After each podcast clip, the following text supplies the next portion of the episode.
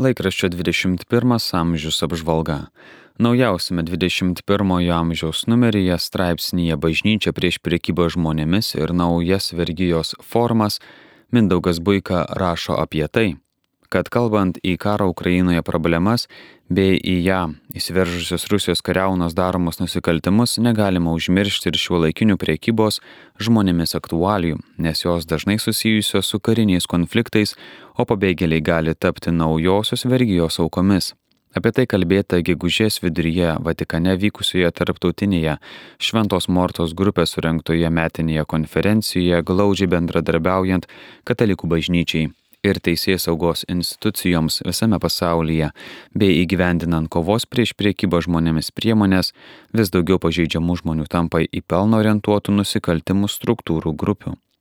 Šventos Mortos grupė vadovauja Westminsterio arkivyskupas kardinolas Vincentas Nikolsas, atkreiptas dėmesys į situaciją milijonų ukrainiečių karo pabėgėlių, kurių Daugumą sudaro pažeidžiamųjų žmonių atstovai - tai moteris, nepilnamečiai, seneliai ir vaikai.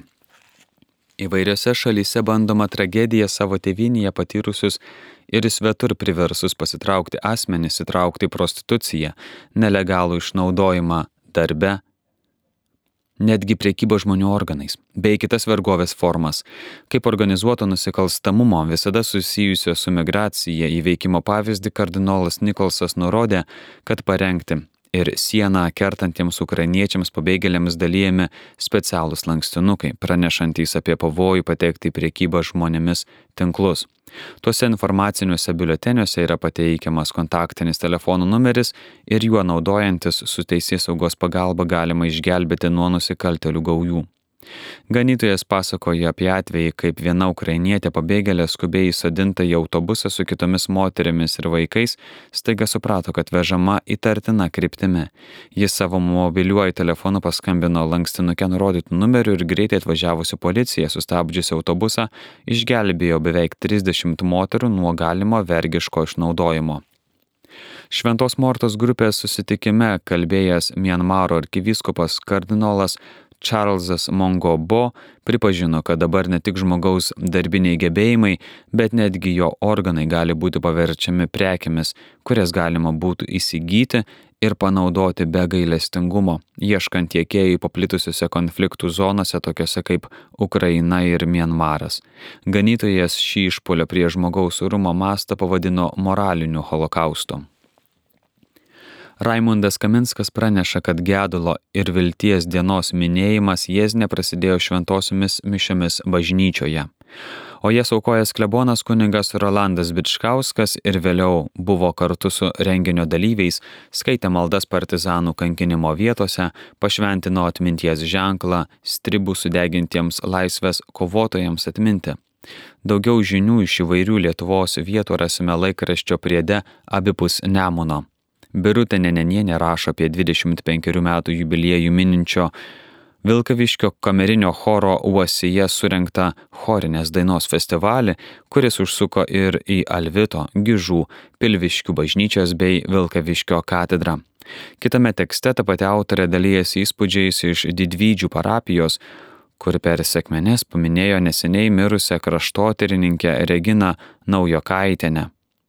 Renginys prasidėjo šventosiomis mišiomis Didvydžių bažnyčioje, o iš Panevežio rajono Teberišiškių kaimo rašanti Ona Striškienė pasakoja apie kaimo žmonių tradiciją per šeštines lankyti kaimo kryžius. Jotainiuose vykusią amatininkų šventę prašo bronius Vertelka. Čia žmonės pastatė paminklą buvusiam žemės ūkio bendrovės vadovui, neseniai mirusiam Antanui Algimantui Balčiūnui. Ramygalos klebonas kuningas Alfredas Puško ne tik pašventino šį paminklą, bet ir dalyvavo žolės pjovimo dalgių varžybose, o Kernavės parapiečiai džiaugiasi galėdami pranešti, kad ten gyvenantys neįgalėjai laisvai galės patekti į bažnyčią, nes jau įrengtas pandusas. Laikraščio priede už laisvę prisimenami partizanas Stanislavas Noruševičius, žydų gelbėtojas, partizanų rėmėjas ir politinis kalinys Juozapas Markevičius, tremtinė Danutė Labanauskenė. Laikraščio priede jaunimui žvilgsniai yra keletas žinių apie įvairius moksleivių pasiekimus, rašoma apie Lietuvoje esančius ukrainiečių vaikus ir paramą jiems. Išėjo ir laikraštis Katalikas, kuriame tęsime kunigo Jono Paliuko pamokslėliai apie išpažintį. Kunigas aiškina, kodėl kartais kai kam nepadeda išpažintis, nors ir gana dažnai jos einama. Taip atsitinka tiems, kurie dedasi esą labai šventi, geri ir menkai ten nusidėję. Katalikė yra žinių apie naujus kunigus ir diakonus, spausdinamas fotoreportažas iš Marijos radijos studijos atidarimo. Laikraščio 21 amžius apžvalga parengė laikraščio redakcija. Naujame žodžio tarp mūsų Liepos rūpiučio numeryje gvildenama, kaip viešpatie stiprinami galime ištverti mums tenkančius išmėginimus, kokių nuostatų dėrėtų laikytis užkluptiems išbandymų ar tiesiog atėjus sunkiam metui, ko reiktų imtis. Ne vienas žmogus neišvengs išmėginimų, Tai gali būti paprasčiausi iššūkiai darbe, sunkumai šeimoje, pašlyjusi sveikata, nepritekliai, artimųjų netektys, avarijos, gamtos stichijų sukeltos nelaimės ar karai. Net Jėzaus prisikėlimas neapsaugojo krikščionių nuo kančios. Kiekvienam Jėzaus mokiniui vienai par kitaip teks kentėti. Tokia yra mūsų mokinystės kaina. Tačiau nenusiminkime, Jėzus yra su mumis Jis šalia mūsų, todėl net itin sunkiu metu galime būti tvirti ir stiprūs, garbinti Dievą ir liudyti, kad Jis gyvena mumise. Žodžio tarp mūsų skaitytojams siūlomos kelios praktikos, padedančios ištverti išbandymus.